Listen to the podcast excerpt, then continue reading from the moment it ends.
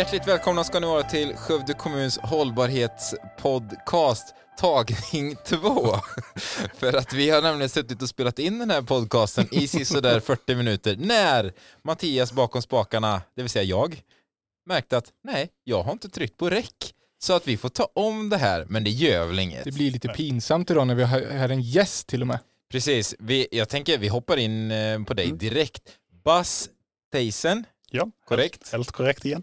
Vi pratade lite om det innan här att du har fått, eller du har nästan slutat rätta folk när det kommer till ditt, framförallt efternamn. Stämmer. Och du är inte härifrån. Jag kommer från Nederländerna.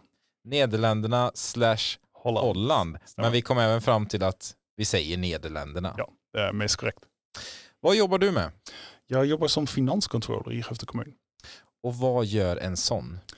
Jag jobbar med kommunens placeringar och med kommunens skulder. Eh, för vi har, I Skövde kommun har vi både en, en, en del pengar placerat på, på börsen men sen har vi också en hel del lån som vi har finansierat bygge av eh, förskolor, skolor, äldreboende med och så vidare.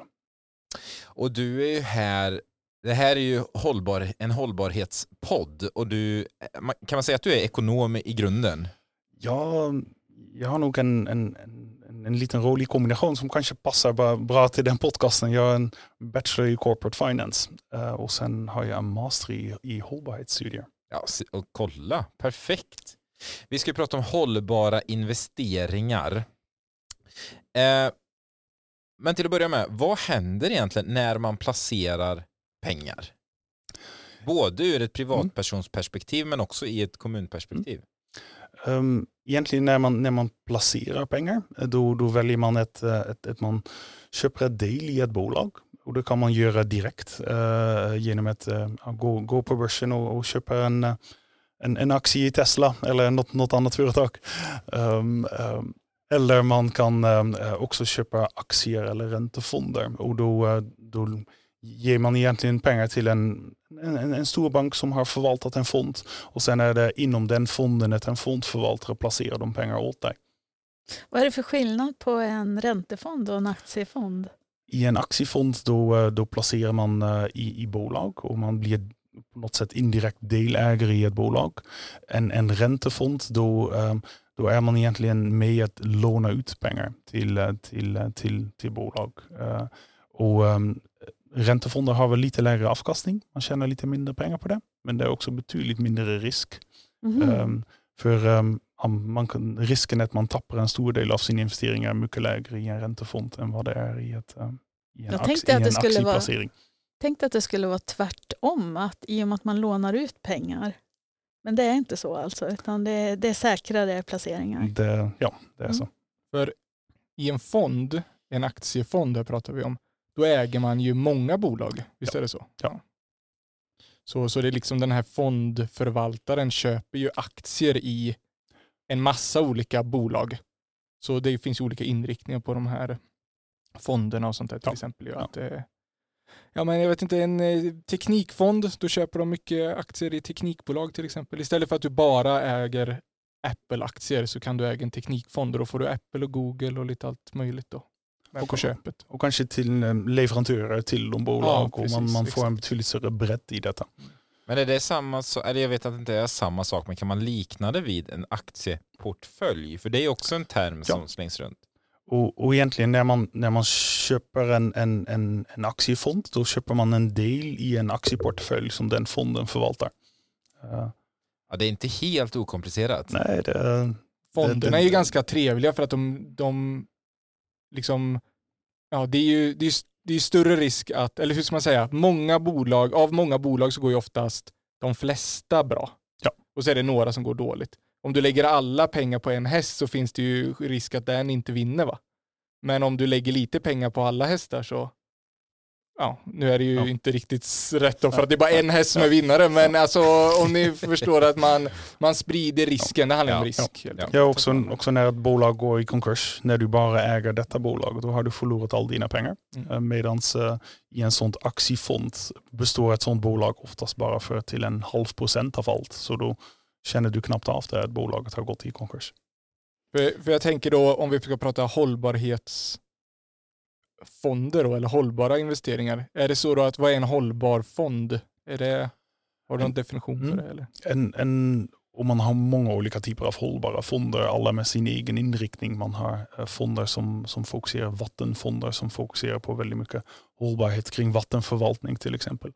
Eh, Men hållbara fonder är, ja, om man slår ihop dem allihopa, då har de, har de någon slags av inriktning att säkerställa att dina pengar placeras på ett sätt som är i linje med en viss hållbarhetstanke. Men är hållbara investeringar, handlar det bara om utsläpp? För det är det man kanske först tänker på. Man tänker på miljön, liksom, håll, ja, när man snackar hållbarhet. Men Ja. det är ju så mycket mer. Är det även det i investeringsvärlden? Ja, det, eh, det är så. Eh, eh, man, man har hållbara fonder som tittar på många olika saker. Men en, en sak som, som kanske har att göra lite med hur ekonomerna är i grunden, att vi gillar allt som är mätbart. Ehm, och ehm, avkastning är mätbart. Man vet hur mycket pengarna har, har vuxit till sig. Men också kolstofdioxidutsläpp är också någonting som man kvantifierar väldigt lätt i en Excel-fil och sen tittar på sista raden och jämför med något annat. Så det är väldigt lätt att hantera medan de andra aspekter i hållbarhet när man till exempel um, tittar på, på barnarbete, um, det är oftast mycket svårare att fånga. Och då måste man gräva mycket djupare i bolag för att se, finns det någonstans i ett led i detta bolaget att de kanske kan anlita något barnarbete där? Och det är ofta svårare att, att gräva fram. Men det är inte mindre viktigt för det. Men jag tänker, hur motiverar man för sig själv då som privatperson? Jag menar, det kan man väl inte sticka under stolen med. Anledningen till varför man investerar det är för att man vill tjäna pengar. Yes. Och om det är då ett, ett bolag som man kanske vet eller tror att ah, det här kanske inte är det mest miljömedvetna, men man ser att det går som tåget. Jag menar, hur, hur ska man motivera det för sig själv? Jag, ja, jag vet inte. Jag, jag vet ju nog vad jag kanske hade gjort på kort sikt. Och det är inte det svaret du vill höra, Sari. Men, men har du fonder och aktier Ja. och, och du köper de som går som tåget? Eller? Ja. Nu kommer en stor buss. Vi kastar Mattias framför den. Men, nej, men jag, för, nej, men du tror, det kommer ingen buss. Nej. Du bara tror att det kommer en buss. Därför att om du satsar på det som är gångbart idag så är det ju det förnyelsebara som går som tåget. Jag ska säga att jag har dålig koll på mina placeringar. Vi har en sån, den banken vi använder, vi har liksom köpt en, de har väl färdiga paket. Det har de. Ja, så vi har liksom tagit en sån bara och så får man ju välja hur mycket, på hur många år man vill spara, hur hög risk man vill ta etc. Och då frågade våran bankperson oss som är frågorna, eller mig med frågorna. Jag svarade, ja men då har vi den här.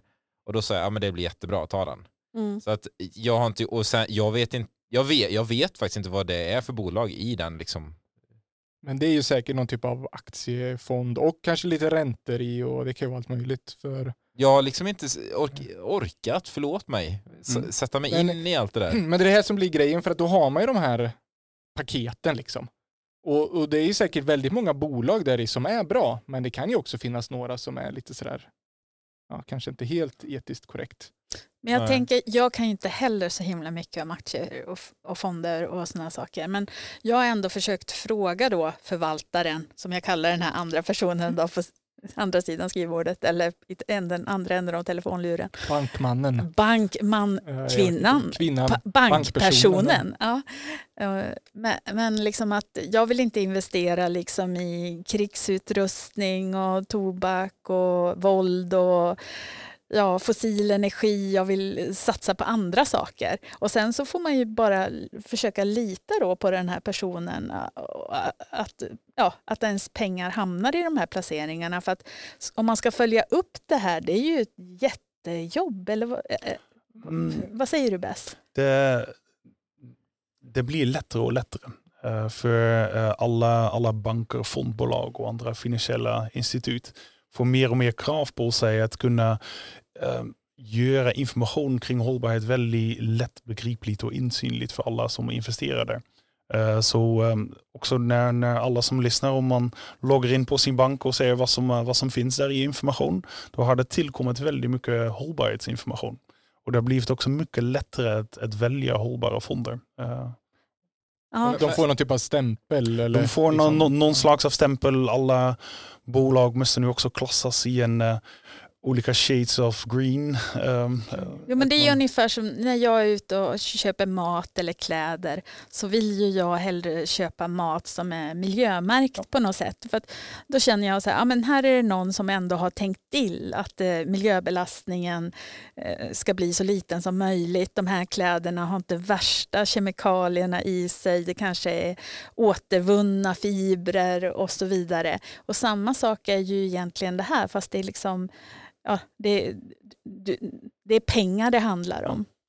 Men man kan säga att det är lite som när man köper tvättmaskin. De har ju sån här A plus Energiklass, A, ja. Ja. Ja, precis så heter det. Att, att fonder och aktier och bolag får sådana, det finns liksom olika grader helt enkelt. Ja, ja. stämmer.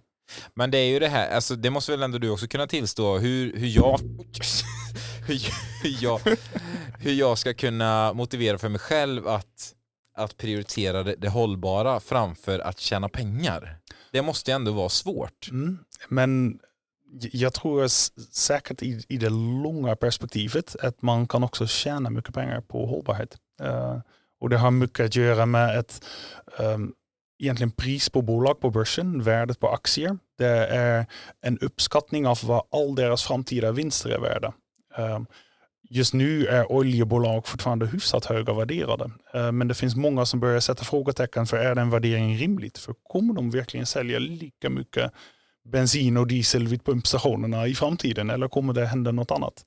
Och, ehm, om man nu fortsätter investera i de icke hållbara saker, eh, då är också en risk att eh, de bolag kanske inte finns i samma omfattning i framtiden och att vi förlorar en del pengar på detta. Så genom att investera hållbart på lång sikt kan du också bli en, en vinnare ren pengamässigt.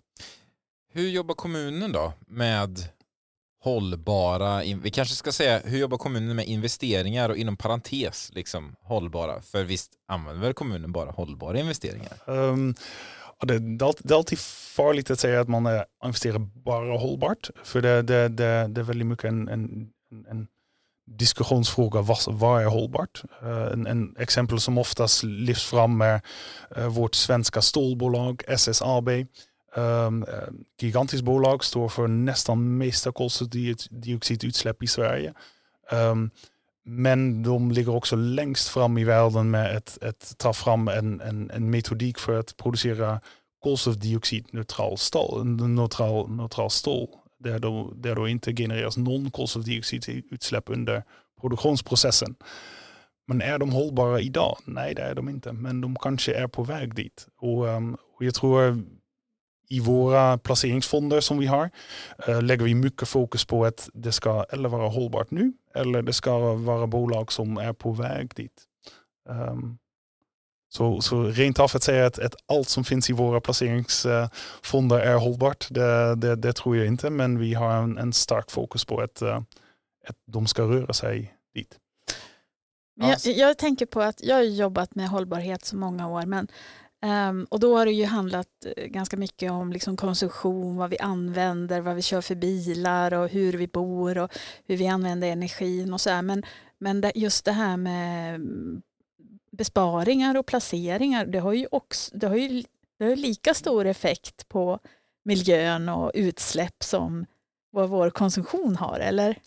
Ja, och, och- skillnaden där är att, att, att genom att äga en del i ett bolag, genom en aktiefond som man kanske har eh, i sin pensionssparande till exempel, då är det inte utsläpp som man orsakar själv, men genom att man är delägare i det bolaget eh, tar man på något sätt något ansvar i, i för deras utsläpp.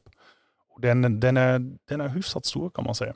Ja, och, och det känns ju ändå som att det händer någonting ganska stort inom finansbranschen nu.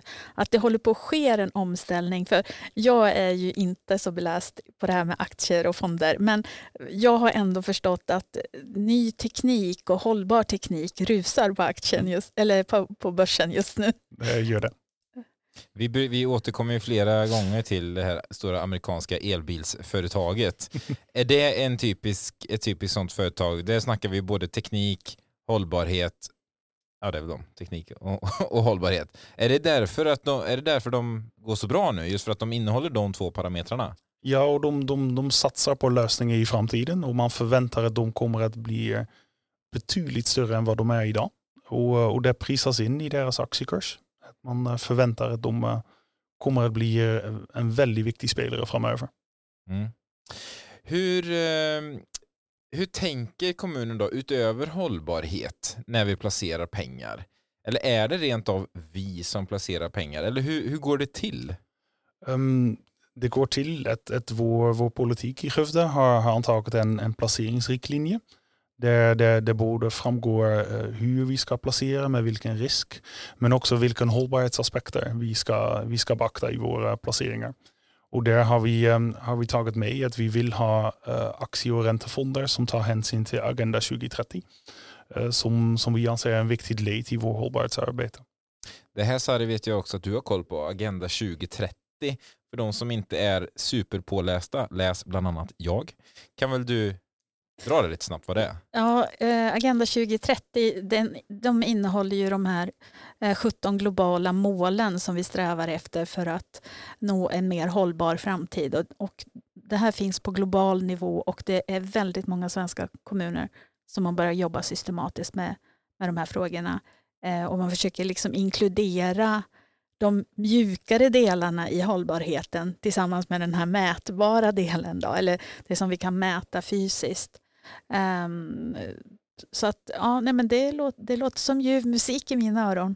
Och mjuka värden, kan det vara då personalpolitik till exempel? Till exempel. Jämställdhet kanske? Sånt där eh, kvinnor och mäns jämställdhet och sånt. Kan, kan sånt påverka alltså hur bra ett bolag går på börs, börsen? Um, och, och där är då återigen perspektivet viktigt. Är det kortsiktigt perspektiv eller, eller, eller långsiktigt perspektiv? Um, jag pratade nyligen med en av våra fondförvaltare och han, han sa att fonden har mycket hållbarhetsinriktning och om, om han egentligen bara skulle jaga avkastning då hade senaste halvåret varit jättebra i ryska ol oljebolag. För oljepriset har gått upp och de har ja. gått som tåget under ett halvt år. Men där är det väldigt viktigt att man har, har en, en långsiktig perspektiv och saker som Eh, jämställdhet mellan män och kvinnor, det kommer inte att avgöra nästa kvartalsvinst. Men uh, kanske skapar det en företagskultur som kanske på sikt kan, kan vara mer hållbart och därmed också skapa bättre företag och därmed bättre avkastning. Så, så i det långa loppet tror jag verkligen att hållbarhet i all sina led är väldigt viktig för avkastning. Jag tänker så här, vad, vad händer? För nu pratar vi lite det här med att det är långsiktigt liksom. Men vad är det som händer när man ja, placerar pengar i bolag? Alltså, om, om många placerar, tänker jag, mycket pengar i, i bolag så går de bättre då eller hur funkar det? Det, det är lite så. Det, det, det, det, det är ett fast antal aktier som, eh, som, som finns i ett bolag. Um, och ja, desto mer köpare det finns för de aktier, uh, desto högre priset blir. Uh, och också tvärtom. Så om det finns väldigt få som vill äga ryska oljebolag, då går deras aktiekurs lite en, en, en, betydlig, en betydande del sämre. Och då är det svårt för dem sen att få kapital till typ investeringar ja. och annat? Eller? Ja. Om, om man vill börja investera kan man alltid ge ut nya aktier och få betalt för detta. Uh, men för att uh, om din aktiekurs går väldigt dåligt, då, då måste du ge ut väldigt många aktier för att få in samma mängd med kapital. Så det, det har betydelse för deras uh, förmåga att finansiera sig. Mm. Men det här, man får passa på nu när man har dig här. Jag såg på en film häromdagen eh, där de startade ett bolag och när det registrerades och jada jada jada så sa de här personerna att ja, och det kommer finnas, ja, jag vet inte hur många aktier det var, men det var liksom ett specifikt antal aktier. Hur bestäms sånt? Och, alltså det fattar jag ingenting av. Um, egentligen bestäms av ägarna uh, av bolaget hur många aktier som finns. Men man kan väl inte bara, om jag äger ett bolag, jag vill att det ska finnas tre? Uh, det går. Okej, okay, men... Det är väl att du delar bolaget i så många delar typ ja. som antalet aktier är. Och desto färre delar det blir, desto dyrare blir varje del då, om det har värderats till ja. en miljard och du delar det på tre, då blir det jädrigt dyra aktier. Då ska någon ha råd att köpa det. Men om du lägger ut 500 000, då blir det inte lika mycket liksom per per del. Och vad är det som är bra med... Jag menar, man kan ju inte dela upp det i hur många bitar som helst. Ja, det går. Va- va- Varför gör man inte det då? Eller varför håller man sig liksom till lite lagom? Eller kan du bara, bara för min egen och vår skull förklara det där, hur det funkar? Ehm, Det står inte med på vårt körschema men jag, jag tar den ändå. det, det, och, och det, det, det är mycket psykologi. Det är, det är också vad typ de flesta bolag på börsen har någon slags av ett värde per aktie som rör sig någonstans mellan 5 kronor och, och 500 kronor någonstans. Ehm, och oftast när det blir mer än så börjar de, de dela aktier så skapar fler aktier. Ehm, men då är de alla värda lite mindre. Men det sammanlagda värdet av bolaget är alltid antalet utestående aktier gånger aktiepriset och sen får man värdet på bolaget. Så, så som Ludvig sa, man kan lika väl ha typ Tesla med bara fem aktier. Men då är det väldigt dyra aktier som är väldigt svårt att Ja. köpa. Ja, och, och, ja men precis, så man minskar antalet personer som har möjlighet att investera i bolaget. Tänker jag På något då? sätt. Ja. Ja, Ja. precis. Eh, vi pratade lite om eh, kommunens riktlinjer, att det ska vara hållbart och det är taget av, av politiken. Är kommunens utsläpp idag höga eller låga kopplat till våra investeringar? Vi, eh, vi, vi har börjat följa detta nu. Eh, så vi, vi begär ut rapporter från våra, från, från våra fondförvaltare hur mycket koldioxidutsläpp eh, genereras genom fonden. Ehm, och ehm, eh, det jämförs samtidigt också med vad skulle vad index och man jämför sig alltid med någon slags normalläge. Och vårt utsläpp är, är kring 50-70 procent av index. Så vi, eh, vi, vi är, en, eh, vi är en, en, en bit bättre än, än, än genomsnitt genom att vi tar aktiva val att, att investera i, i hållbara bolag. Men vår utsläpp är inte, absolut inte noll än i våra placeringar. Jag tycker det är värt att ha med sig här att även om vi pratar om hållbara bolag så betyder inte det att deras utsläpp är noll. Nej. För det, det är som du sa förut att ja, men om man tar SSAB då. Ja, men de har ju mycket utsläpp nu men de har ju ja, de är världsledande kanske inom framtida fossilfritt ståltillverkning. Så, så det är nog bra att ha med sig det här att hållbarhet betyder inte per automatik noll, noll utsläpp. Nej, och det där är nog jätteviktigt att hålla i, ja, hålla i huvudet att eh, vi är på väg i en omställning. Vi är på väg mot någonting bättre. Vi är inte färdiga än. Och därför kanske liksom, det kanske inte finns företag som helt klarar all granskning utan ja, de har någon liten skamfläck här och var. Men eh, bara den här riktningen, att vi börjar gå åt rätt håll är ju så otroligt viktig och att vi, och att vi stöttar den här riktningen. Eh, Och det, det, håller jag med dig Sari, att ett rör, rörelse är kanske viktigast. För eh, när man börjar detaljgranska då finns det alltid någonting som man kan ha anmärkningar på. Till exempel om man inte vill investera i eh, bolag som tillverkar klusterbomber.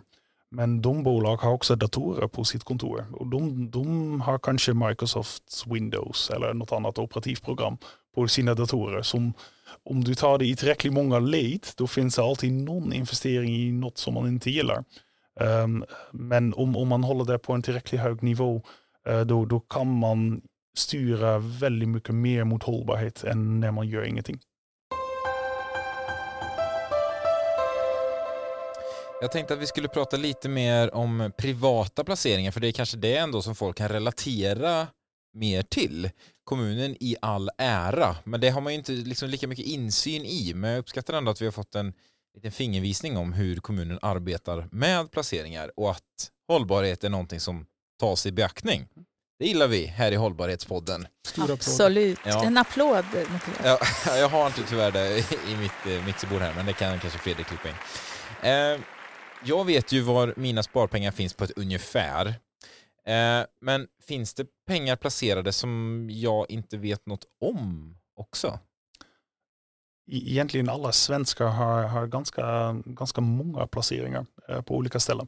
Eh, för Sverige är ett ganska väl, land med stor välfärd och vi har en väldigt bra pensionssystem till exempel. Och ehm, eh, vi alla har, ehm, har, en, har en del av våra pensions pensionspengar i en premiepension till exempel. Och där kan man själv välja hur man placerar. Eh, Men många har också en tjänstepension där man har en, en hel del sparande. Kan du bara förklara skillnaden på de två? Ehm, nu är själva pensionsområdet, jag tror jag, jag är en av de få i min ålder som tycker att pensioner är jätteroliga. Ehm, Vet du vad? Det tror jag med.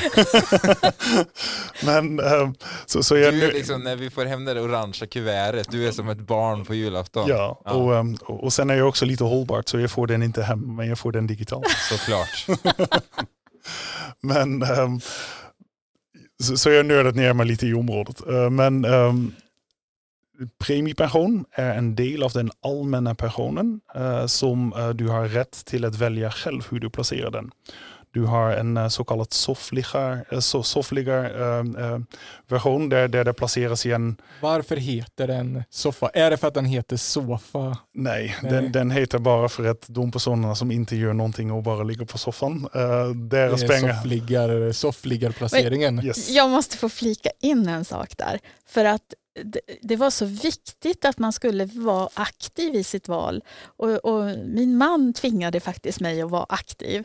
Och det visade sig att vi valde totalt fel. Du var mycket sämre än soffliggarna helt Ja, enkelt. ja, men det, ja, men jag tror det. Vi var sämre än de som inte hade valt.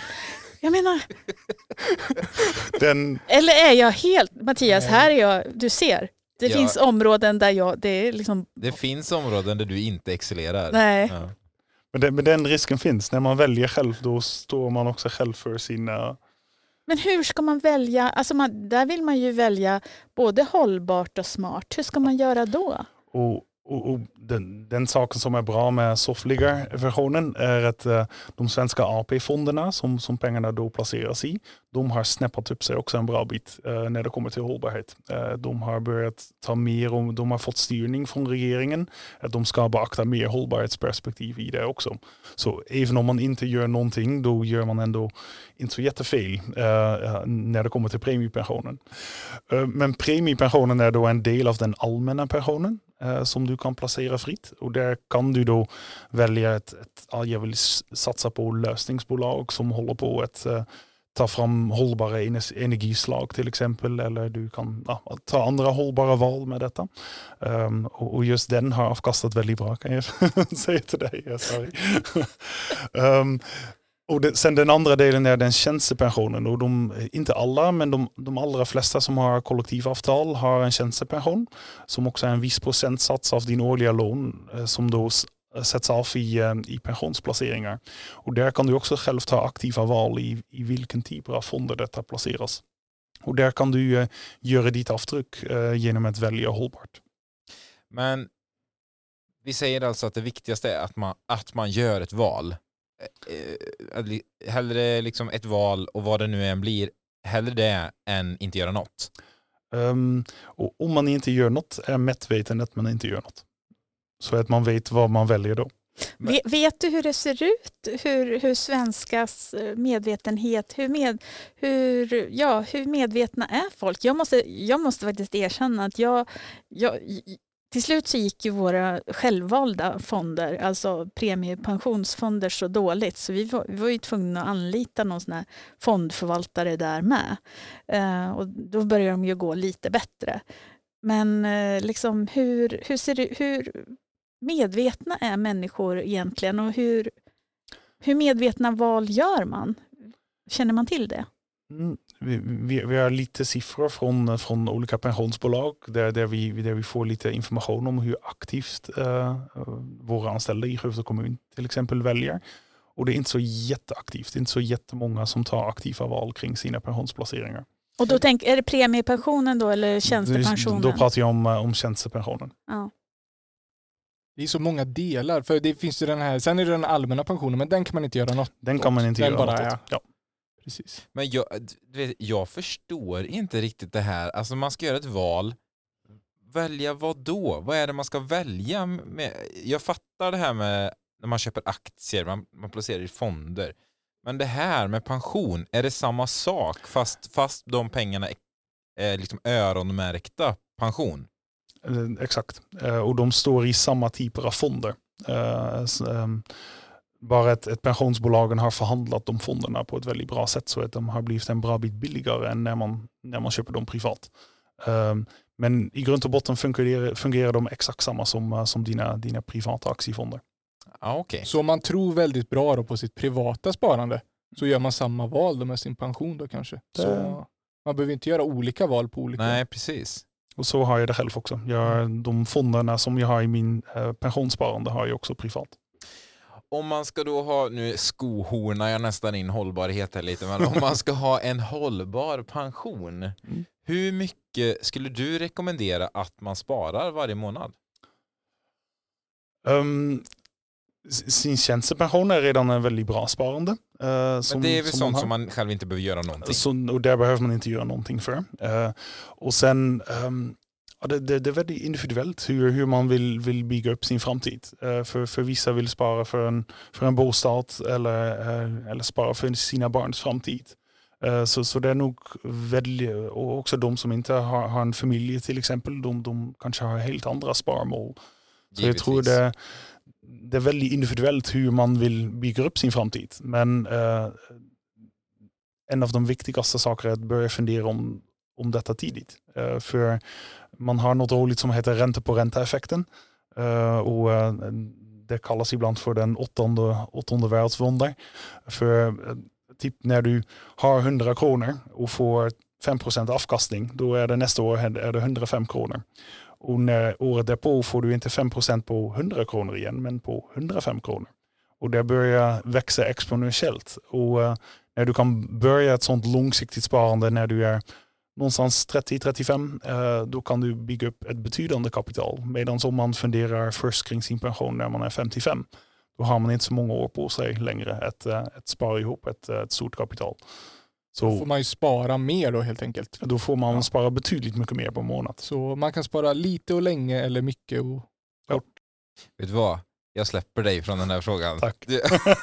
Jag tänker så här om jag får hålla kvar det lite där den frågan. Nej men alltså ehm, för ehm, Nej men för de har ju förenklat systemet gör det just det här kopplat till pension. För Ja. förut då fanns det, nu är jag ju inte så gammal men eh, så jag tittar på dig Sari. Ja, ni, ni, Eh, oj, jag sitter bara med unga killar. Nej men nu har man ju någonting som man kallar ISK-konto typ. Ja. Ja, och då, för förut då sparar man ju pensionsavsättning var ju någon typ av separat del. Ja. Nu sparar man ju alltid i princip samma typ av ja, konton eller så. Så om det är ju, alltså för mig så har jag ju bara, jag har ju ett konto som heter pension, men det skulle lika gärna kunna heta något annat. Så, så det handlar nog mer om vilken, du säger så här, ja men hur mycket ska jag spara undan? Ja men, alltså, bara man sparar undan någonting så är ju det, sen om det är pension eller om det är till en bil eller till ett hus, alltså allt är ju samma pengapott. Ja, precis. Det handlar väl mycket om att man, för visst är det så, det är väl inte jättesmart att låsa ett konto som öppnas upp när du fyller 65, för man vet inte vad som händer i världen. Ehm, nej, Nej. Jag, jag, jag skulle inte göra det i, i onödan. Nej.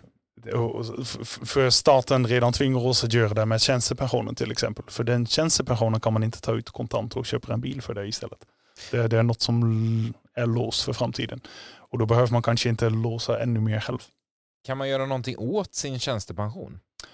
Um, genom att placera det smart, skulle jag säga. Och, och det är en standardfälla att, um, att personer är alldeles försiktigt, för försiktigt. Uh, att, man, att man skruvar ner risken. Men att skruva ner risk på pengar som man först behöver om 30-40 år, då, uh, då går man också miste om väldigt mycket avkastning. Det hinner, även fast det går ner så hinner det gå upp igen. Ja. Om, om man tittar om börsutvecklingen över typ en hu- 100-årsperiod, då blir varje nedgång blir också fullt av en uppgång uh, några år senare. Men det är ju lite som bostadsmarknaden. Vi vet ju alla att den, den är ju på sin ja, all time high egentligen just nu. Men man vet ändå att skulle man köpa ett hus idag, spola fram 60 år, det kommer ju, det kommer ju vara värt mer, garanterat. Ja. Det sen visst, det kanske kommer dippa, men det kommer ändå Men det är klart att lägga alla sina pengar i en högriskfond om man ska köpa ett hus om två år, det är, Det är inte kanske smart. inte så smart. Utan det är ju risk, som du säger, bara så att risk över tid. Liksom. Och, Ja. och det är så om vi ska väva in hållbarheten i det här så är det ju det här, du pratar mycket om investera långsiktigt Ja. säger du ju. Ja, kortsiktigt så kan det vara så att om jag tittar, här, här är en fond eller en aktie, ja men den gick bra de senaste tre åren. ja, men man måste ju tänka, ja, men hur kommer den gå framöver? Det innehav som jag placerar hållbart nu, det kanske har världens avkastning de närmaste 20 åren, men de närmaste tre åren så kanske de liksom, det ligger lite Ja. och skumpar så, men sen när det väl sticker så sticker det. Och Ja. då, Jo, när man sen kopplar det till eh, Parisavtalet och hela omställningen som vi vill få till i världen, då kan man börja lista ganska många bolag som kanske inte finns kvar om 50 år. Eh, och när du eh, sparar för din framtida pension, och nu är kanske pensionen inte 50 år bort, men eh, det ligger ändå, Ja, eh, säg inte det. även om vi är ung ligger det fortfarande lite närmare än 50 år. Men ehm, 40. typ. Men um, ett, ett beakta hållbarhet där är väldigt viktigt tror jag. För, ehm, för det kommer att vara andra bolag som är värt mycket pengar i framtiden än de som finns idag.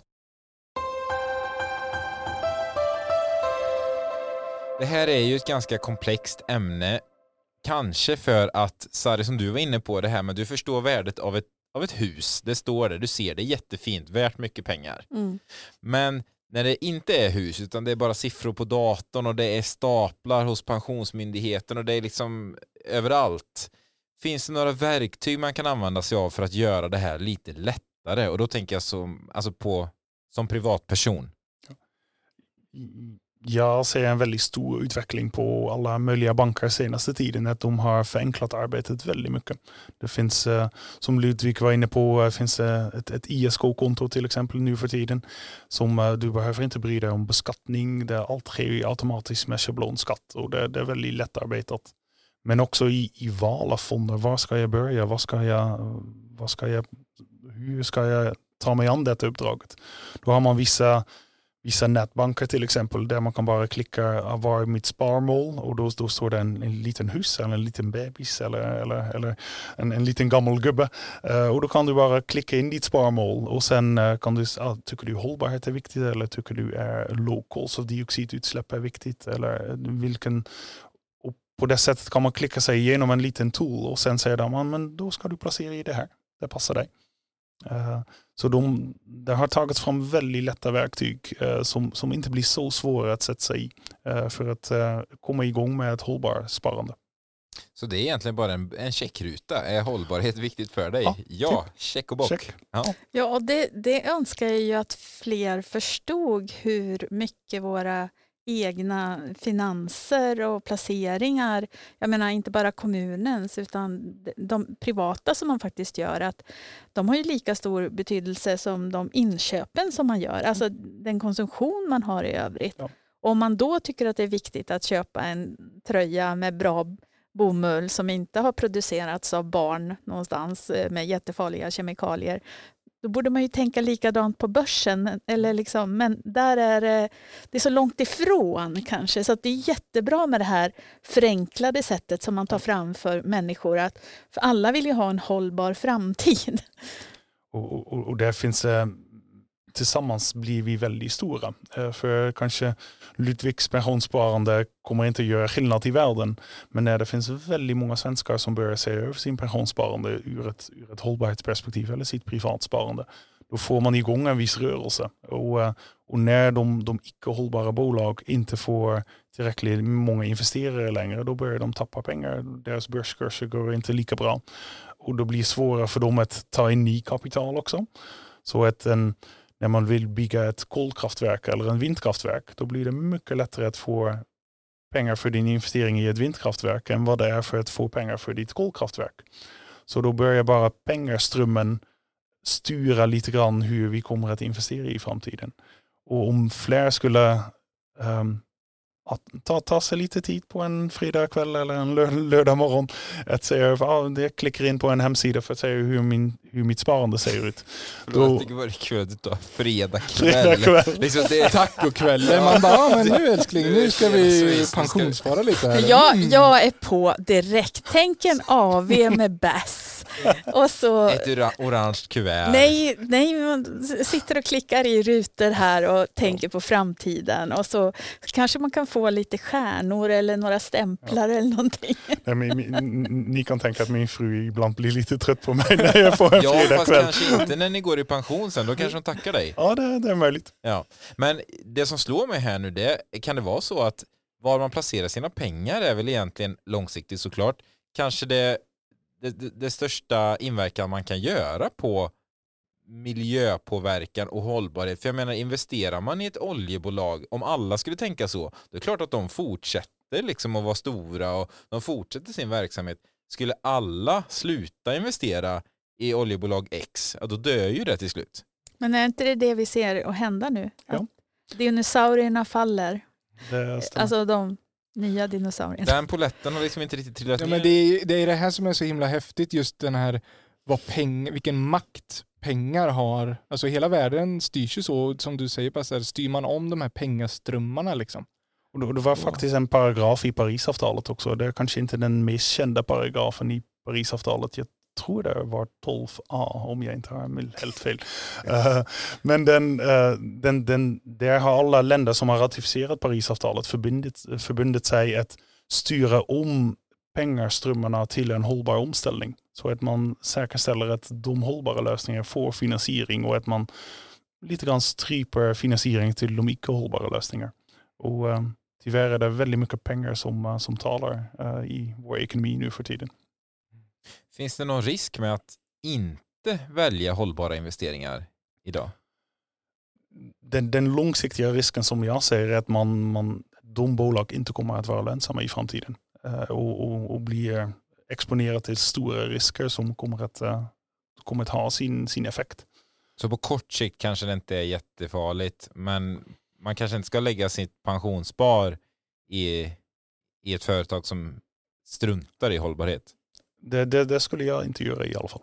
Men, Men- sen är frågan vad, vad är kort sikt? Eh, för Ja, för man, man vet sådana ändringar, inträ, när de händer, då kan man oftast inte längre agera på den, för då är det, då är det redan för sent. så så någon, bra dag, någon bra dag kommer väl eh, ett, ett stort fall eller en stor kris i något bolag och då, eh, då faller de icke hållbara investeringar tror jag. Men jag tänker så här också att om vi är många som går fel, om man, om man liksom satsar på, på fel häst, även om det genererar pengar just nu och kanske tio år framåt, men det är ändå inte bra för framtiden, så då kommer det ju att drabba oss ändå i, i form av sämre vattenkvalitet, mindre fisk i haven eller jag menar luftföroreningar eller mindre biologisk mångfald, alltså vi har mindre fina skogar att gå i och så, och så vidare. Och eh, det vill man ju inte. Men Jo. hur, hur, hur ska man liksom koppla ihop det här så människor känner det ända in i märgen så att Mattias sitter där och, på fredagskvällen och bara äh, det är hållbarhet. Som, Det är det som får det att pirra till. Det, är liksom, det, det är kryss, det är där jag lägger mitt kryss. Nej Jo. men det är väl det. Jag, jag, jag tänker ju självklart jättegärna hållbarhet, men jag vill gärna se då att det faktiskt ger något. Jag är kanske inte lika benägen att kryssa i hållbarhet om det står att ja visst du tänker på miljön men du kommer tjäna hälften så mycket. Då vet det tusan alltså. Ja, och det, det ser man, och det skiljer lite mellan men, eh, mellan olika men, men just nu är hållbara investeringar, man, man tappar ingen avkastning på detta. Eh, det, det är hyfsat lik, avkastning och ibland lite, lite bättre avkastning än de traditionella valen som man kan göra. Så man behöver absolut inte göra avkall på sin, sin avkastning eller sitt sparande genom att välja hållbart, snarare tvärtom tror jag. Att man tar bort en del risker. Tack så mycket Bas för att du kom hit idag och svarade på våra frågor. Eh, jag tycker vi, man fick med sig mycket nyttigt. Jag lärde mig, vi, jag fick, hade poletter som trillade ner. Jag vet inte hur det var med, med er, Ludvig, Sari. Ja, det här är ett spännande framtidsområde känner jag som man vill borra mer i. Ja, och det känns bara som att det här finns, vi hade kunnat göra det här avsnittet dubbelt så långt. Jag vet, vi har, det finns ju det här spännande bitcoin och, och allt möjligt som man kan prata om, men det har kanske inte riktigt så mycket att göra med hållbara investeringar på det sättet. Verkar ju nästan vara tvärtom med bitcoin. Medelsvensson investerar inte så mycket bitcoin. Ja, för jag, jag funderat, jag har faktiskt haft ämnet uppe med en av våra fondförvaltare och äh, när det omnämnda amerikanska bilföretaget för ett tag sedan började investera i bitcoin ähm, då ställer vi faktiskt frågan hur, hur det påverkar våra investeringar som ligger indirekt i det bolaget. För, för att producera bitcoin, det tar gigantiskt mycket energi. Plus att eh, bitcoin också används oftast för betalning av tjänster och varor som kanske inte helt tål dagsljuset. Och, eh, och, hur hållbart är det då egentligen när, när ett sånt hållbart bolag börjar investera i bitcoin? Eh, så det, det är intressanta frågor. Det är ett framtidsämne helt klart. Ja, ett framtidsämne. får vi ta i nästa program Mattias. Ja precis, vi får boka upp det igen Bass, ja. någon gång under hösten. Hur som helst, tack så jättemycket för att du kom hit. Tack så mycket Sari. Tack så mycket Ludvig. Tills vi hörs nästa gång, ta hand om er. Njut av våren. Ha det bra. Hej då. Hej då. Hej hej.